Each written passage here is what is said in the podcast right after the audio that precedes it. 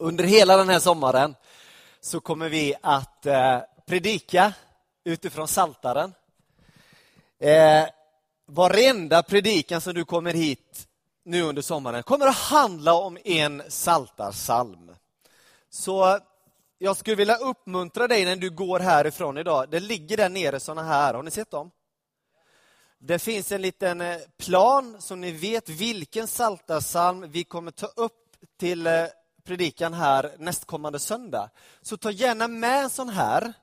Och så kan du redan i eftermiddag läsa och framförallt be nästkommande söndags psalm. Visst är det bra? För då kommer vi hit laddade med det som Gud har talat. Det är speciellt med saltaren tycker jag. Den är så osminkad, den är så liksom rakt på. Och ibland så är den så brutal i sitt sätt att uttrycka sig. Du vet, jag kan känna mig så bekräftad i saltaren när jag känner mig riktigt, riktigt nerkörd och slutkörd. Och du vet, man inte riktigt orkar längre. Ni vet de där tillfällena då du upplever att, att himlen är stängd. Du hör inte Gud tala, du undrar Gud, hur länge ska jag? Då läser man saltaren och så kommer det bara som en stor bekräftelse. Ja, så här är det ju. Så här är det ju. Och samtidigt så finns det ingenting som saltaren som kan utmana mig så otroligt mycket från, till att, att lyfta min insnärjdhet och navelskåderi och se att Gud är större. Alltså det är både och, är du med på den? Och vet, jag tror vi behöver både och. Jag tror vi behöver de här klagosalmerna. Likväl som vi behöver alla hallelujasalmer. Ja, vi behöver båda. Kan vi vara överens om det? Jag tror att för att vara bottenärlig i sitt halleluja, så behöver du först ha fått tömma ut dig allt det där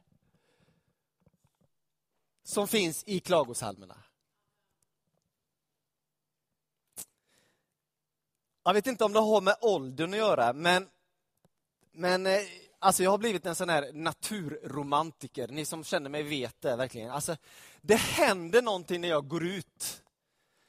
Eh, och får, alltså, i, igår eftermiddag så var jag här i Uppland, ute på fantastiska blomsterängar och det var helt ljuvligt. Och någonstans blir det en Wow, Gud, du har gjort det här för mig.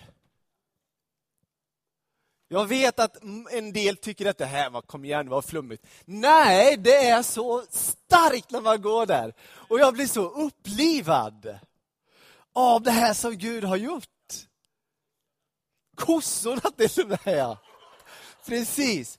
Och, nej, jag kommer inte igenom. Det är en annan historia, jag tar den sen med er. Eh, jag älskar en predikant som heter Stefan Salomonsson. Han är helt underbar. Jag har, jag har dratt den här förut i församlingen, här, men jag tar den igen. Men han, han sa vid ett tillfälle, och det där har satt sig och det kommer jag på hela tiden när jag tänker för mig själv, att om allt hopp är ute, och så tittar han på oss när vi satt där, om allt hopp är ute, gå ut då! Om hoppet är ute, för det händer någonting när du går ut och ser det Gud har skapat. Det är bra. Det är jättebra, tycker jag. Du kanske tycker det här låter jätte, jätte, jättekonstigt nu, men jag tänker så här. Jag tror inte Saltaren egentligen är en bok som är predikomaterial. Utan jag tror i huvudsak att Saltaren finns där för att den ska få vara vår bönebok.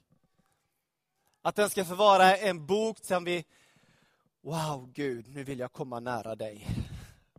Det är egentligen hela Bibeln, men Saltaren har under tusende år varit judarnas bönebok och sångbok. Så även för kristna har det varit en bönebok. Texterna i Saltaren har varit grunden för kristnas böner.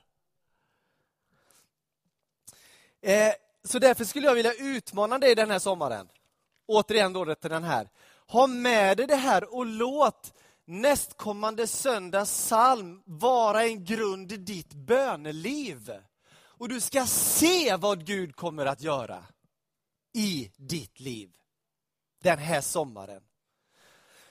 Jag skulle, alltså vi, vi träffades här inne i bönerummet här strax innan gudstjänsten och det är fantastiska stunder. Har du inte varit med där inne någon gång, kom klockan tio en söndag och var med. För det händer profetiskt starka saker. Och vi, som en hälsning, en profetisk hälsning till dig utifrån den bönesamlingen som var, det är att det kommer en ny pingst.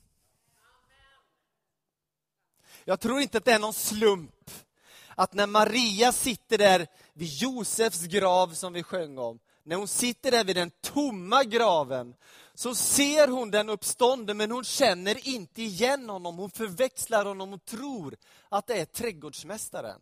Jag tror inte det är en slump att det var trädgårdsmästaren som hon förväxlade med, för han är en trädgårdsmästare. Han vill få dig att blomma som du aldrig blommat förut. Och det börjar idag. Han vill få dig att bära frukt som du aldrig har burit förut och det börjar idag.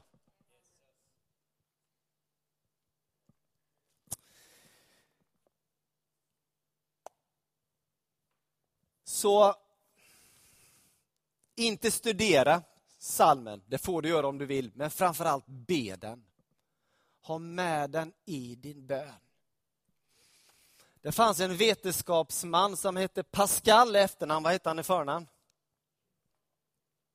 Blaise Pascal. Fysiker och eh, matematiker. Han skrev så här vid ett tillfälle. Gud döljer sig för dem som undersöker honom, men uppenbarar sig för dem som söker honom. Och visst är det bra? Så låt den här sommaren vara en stund då du med saltaren söker Gud på riktigt söker Gud, för Gud vill göra något i ditt liv. När man får frågan vad är meningen med livet så kan det vara många olika svar som, som ger sig till känna.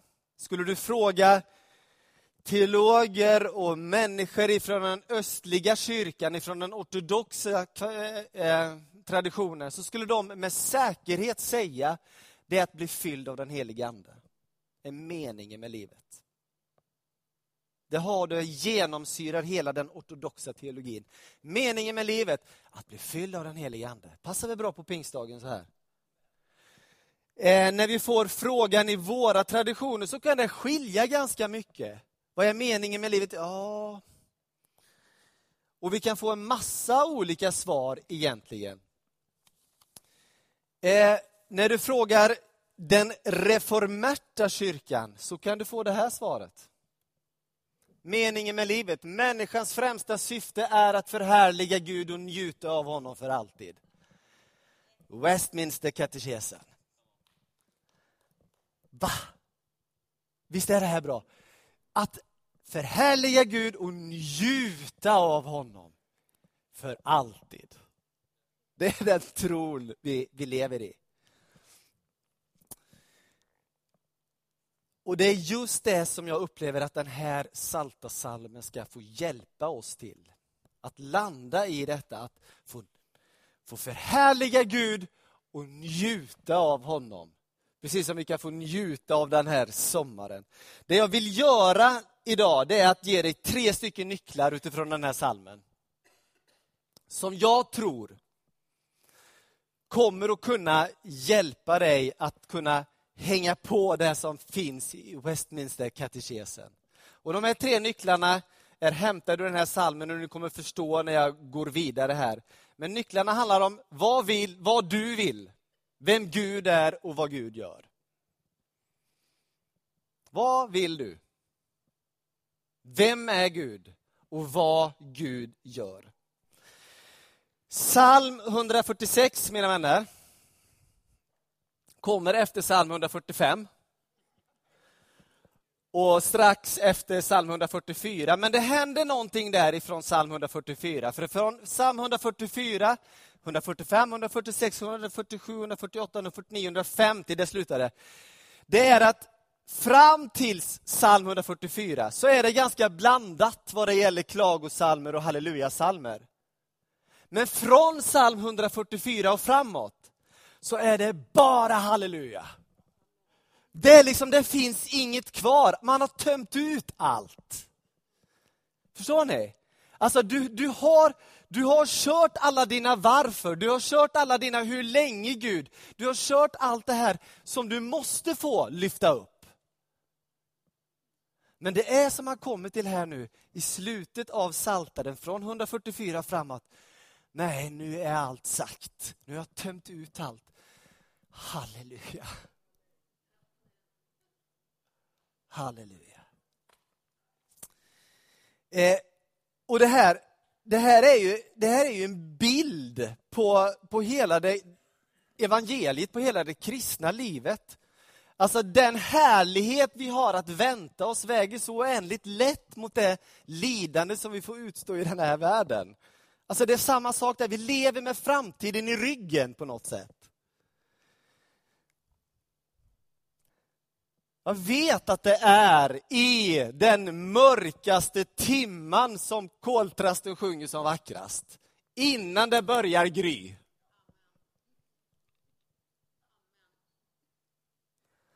Jag vet att vår tro handlar om, ja vi kan vara där på påskafton och himmelen är stängd, det är helt tyst. När du har påskafton i Bibeln här, så är det helt tyst. Jesus är död, man vet ingenting, himmelen säger ingenting, det är tyst. Precis så som du och jag kan uppleva det ibland. Men vi vet, vi som har facit, påskafton, eller påskdagen kommer. Uppståndelsen kommer. Vi vet att lärjungarna satt stängda bakom lås och bom, livrädda för vad som ska hända. Den helige ande kommer och de springer ut därifrån och de har något att berätta. Alltså, det här är... När allt är lagt på bordet så är det bara halleluja kvar.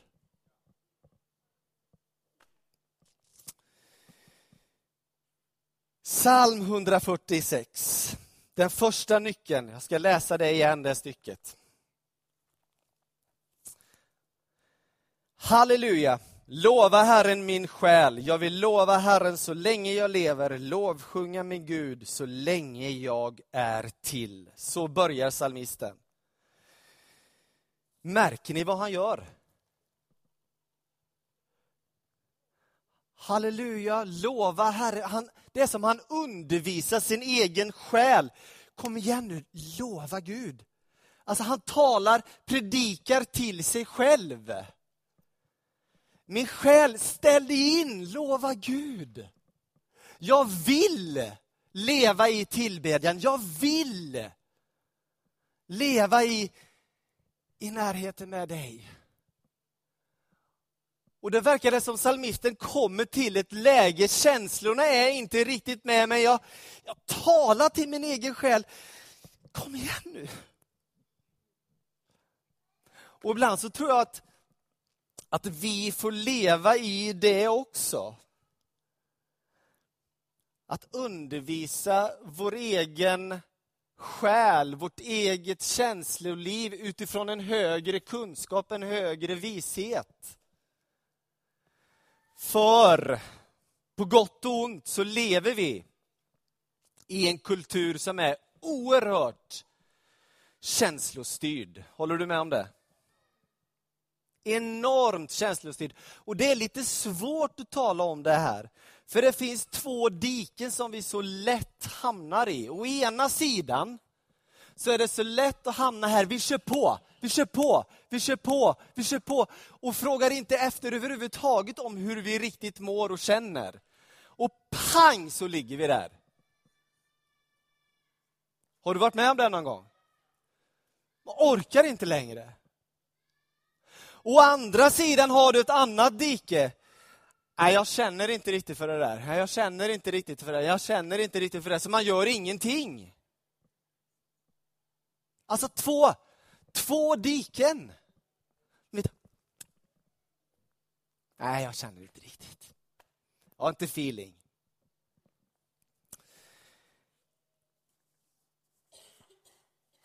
Jag upplever att Bibeln, inte minst en nyckel här, vill visa oss på något annat. Vi säger ofta följ ditt hjärta. Det låter jättebra, det låter nästan som det står väl i Bibeln, eller? Nej, men det gör ju inte det. Det står inte i Bibeln.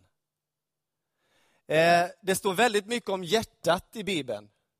Men då står det ganska, ganska ofta om att, att ditt hjärta är bedrägligt. Men Gud vill ge dig ett nytt hjärta, efter hans vilja. Det står ganska mycket om att Gud kan göra något nytt av ditt hjärta. Själva urbilden av detta har vi väl av Jesus i Getsemane, där han sitter innan korsfästelsen och han gråter blod och han uttrycker sitt, sin hjärtas vilja någonstans kan vi nog anta. Herre, låt den här koppen gå mig förbi. Låt den gå mig förbi. Jag vill inte, vill inte. Men inte som jag vill, utan som du vill kommer han till till slut, eller hur? Alltså någonstans så öppnar han upp för något mellanting mellan de här två dikena. Det handlar inte om det här, jag ska bara känna efter, jag ska bara känna efter och göra det jag vill. Eller jag ska köra på, jag ska köra på, jag ska köra på och jag, jag struntar i mina känslor. Utan han, han går på något annat. Han väljer att vilja det Gud vill. Ungefär som psalmisten säger, bestämma sig för att tillbe Gud. Ja, det är faktiskt värt ett halleluja. Faktiskt. Pingstdagen, pingstkyrka, så då är det värt ett halleluja. Jag tycker det. Bibeln talar ganska mycket i de här sammanhangen om lydnad. Och det är ett ord som vi inte tycker om. Vi har jättesvårt för det ordet, så därför måste vi handskas med det varsamhet när vi talar om lydnad. För vi vill ju inte att lydnad ska resa upp murar, utan vi vill att lydnad ska öppna dörrar. Det är en väldig skillnad. Men jag tror att själva ordet har en förmåga att göra både och hos oss. Kanske framför allt resa upp murar. Men jag skulle vilja tala till dig så att det öppnar dörrar. För det är det det handlar om. Jag kommer ständigt tillbaka till en av mina favorittexter i, i Nya Testamentet när det handlar om detta. Och Det är när det Paulus och Silas, när de sitter där i fängelset, vet ni. Och då ska ni inte tänka det är en svensk institution, utan de sitter i fängelse. Du vet, fastkedjade med bojor och det är mörkt och det är kallt och det är fuktigt och det luktar skunk. Det är något vidrigt, de vet inte vad som kommer att hända, de har ingen aning om. Väldigt svårt att tänka mig att Paulus vänder sig till Silas och säger nu skulle det vara gott att sjunga lite lovsång. Eller? Tror du det? Men det är precis det de gör. Och vet ni vad som händer? Bojor bryts, dörrar öppnas, saker och ting händer. De, trots omständigheterna, de var inte på topp.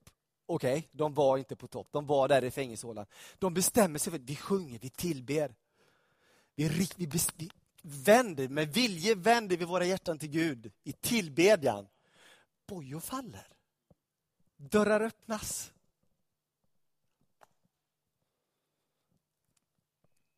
Och om ni visste hur många gånger jag har känt så här på fredagkvällar. Åh, jag skulle vilja vara hemma nu på fredag. Som alla andra i min ålder. Bara få gosa hemma i soffan, ta det lite lugnt, lite god mat. Du vet, ha det lite cozy. Orkar inte åka in på fredagskvällen till kyrkan. Vill inte. Men jag gör det. Och du vet, när jag har varit här inne på fredagskvällen så är hjärtat något helt annanstans. Wow, tänk att jag får vara med. Någonstans när jag tar det här viljebeslutet, jag vill, jag gör, så händer det någonting. Mitt hjärta börjar falla in och gå i linje med Guds hjärta. Det finns en hemlighet här, det finns en nyckel för dig här.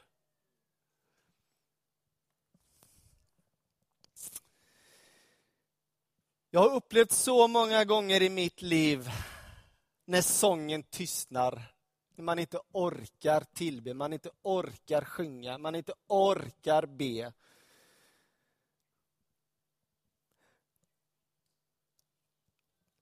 Och jag tror ju att, eller jag vet att i de tillfällena så är det enda jag orkat, det är faktiskt att, att läsa den här boken. Och då har de orden, tack snälla Josefin, då har de orden verkligen fått mitt hjärta att ställa mig in på ett helt, helt nytt sätt. Ett helt nytt sätt. Så att det har kommit smygandes ett, ett halleluja i mitt liv. Om än ett ganska brustet halleluja. Men det har kommit. Det har kommit. För jag vet att Gud är trofast till det han säger i sitt ord. När det var pingstkonferens för oss pastorer här i vintras så fick Christer och jag åka på det. Tack snälla församling. Jag är jätteglad för att vi får vara med på de samlingarna. Eh, och där fick vi lyssna till, jag tror, den bästa predikan jag någon gång har hört. Den bästa predikanten jag någon gång har hört i hela mitt liv. Och det är ganska många. Hon heter Sofia Barrett, kommer från Manchester i Great Britain. Och hon skrev, eller talade så här, eller sa så här. Jesus ger dig inte frid genom att ta dig ur omständigheter, utan kraft att ta dig till honom i dem.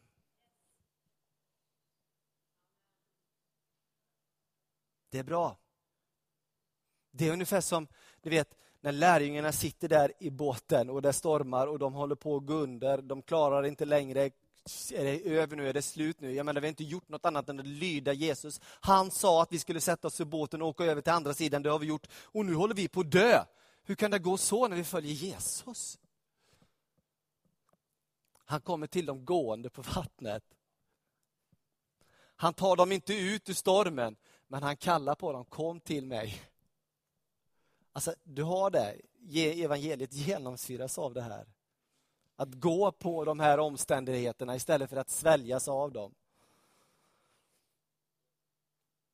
Och Det här är för mig något helt annat än en terapi eller ett skifte av tankar. Det här är någonting som är väldigt, väldigt andligt. Det händer någonting i andevärlden när vi trots omständigheter gör ett val Precis som salmisten säger, lova Herren min själ. Kom igen nu, lova Herren min själ. Tillbe Gud.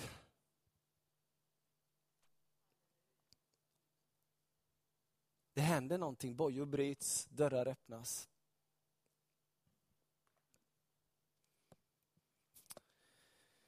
Den andra nyckeln, det är att vi förstår vem Gud är som vi kommer till. Lyssna nu. Vem är Gud? Jo, salig är den som har Jakobs Gud till sin hjälpare, som sätter sitt hopp till Herren sin Gud, till honom som har gjort himmel och jord och hav och allt som finns i dem, som är trofast för evigt. Nyckel 1. Någonstans göra ett medvetet val. Nyckel 2. Förstå vem det är du vänder dig till.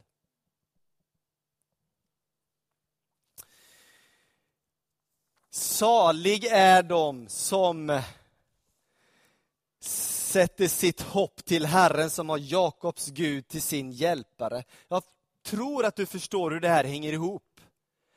Alltså, det är Jakobs Gud. Där förstår vi att det är en personlig Gud, men det är också en, en stor Gud, för han talar också om Herren.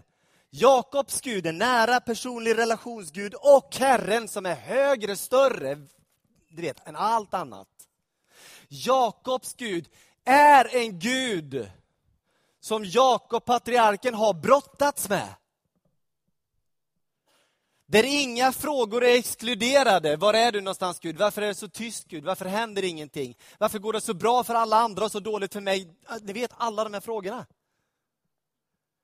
De får rum där, men de får rum i den där brottningskampen. Du kanske går haltande därifrån, precis som Jakob gjorde.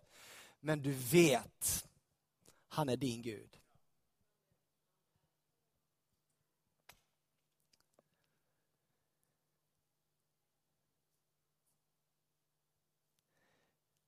Han lyfter också upp skaparen som en, eh, en bild av att vi ska förstå vem Gud är. Alltså, jag upplever ibland att vi i vår del av kristenheten har tappat bort det här med, med skaparen. Vi talar ganska mycket om Jesus, vi talar ganska mycket om den helige Ande och vi talar ganska mycket om Fadern. Men om skaparen, alltså Fadern som skapare, som har gjort allt det här vackra. Det är han vi kommer till. Och jag är helt övertygad om att han som har skapat den här världen kan bevara dig i det som han har skapat. Han kan det. Han har ju skapat den här världen. Jag är helt övertygad att han som har skapat himmelen, som det står här, kan ge dig en försmak av himmelen redan här och nu. Han har ju skapat den. Ni vet, jag är helt övertygad om att han som har skapat havet, på ett hav, ni vet, det finns inga stigar. Det finns inga utstakade vägar. Det enda som finns är väglöshet och ett brådjup. Han kan bevara dig genom en väglöshet och ett brådjup. Han har ju skapat det. Han har ju skapat det. Den tredje nyckeln Nej. Vad Gud gör. Det har vi här också. Så första nyckeln, någonstans hitta till den plats där du, där du bestämmer dig, där du predikar till dig själv. Tala profetiskt till dig själv. Ja, jag vill tillbe dig. Jag vill. Förstå vem det är du kommer till. Och så ska vi höra här nu hur han agerar, han som du kommer till. Herren befriar de fångna. Herren öppnar de blindas ögon. Herren reser upp de nedböjda. Herren älskar de rättfärdiga, det vill säga dig. Herren bevarar främlingar och stöder faderlösa änkor.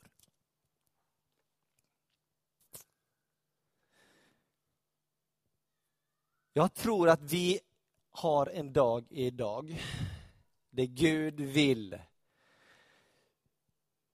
krossa eh, dysfunktionella tankar, jobbiga idéer, ni vet som biter sig fast i vårt huvud, som sätter sig upp emot det som Gud vill tala in i ditt liv.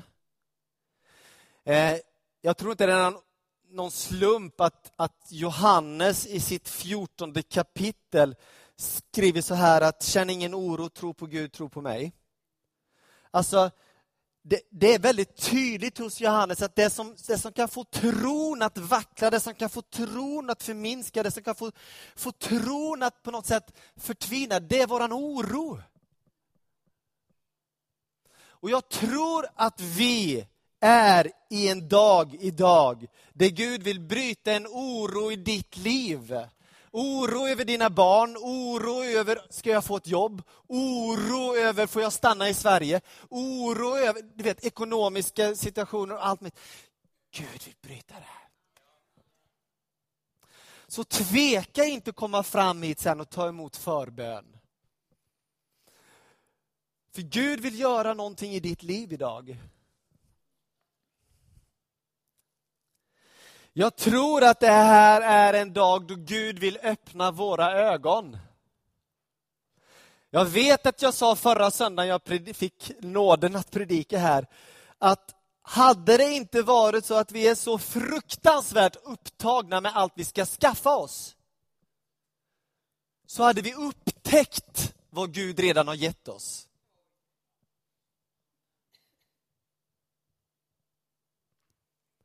Hade vi inte varit så fruktansvärt upptagna med det vi ska skaffa oss, så hade vi upptäckt det Gud redan har gett oss.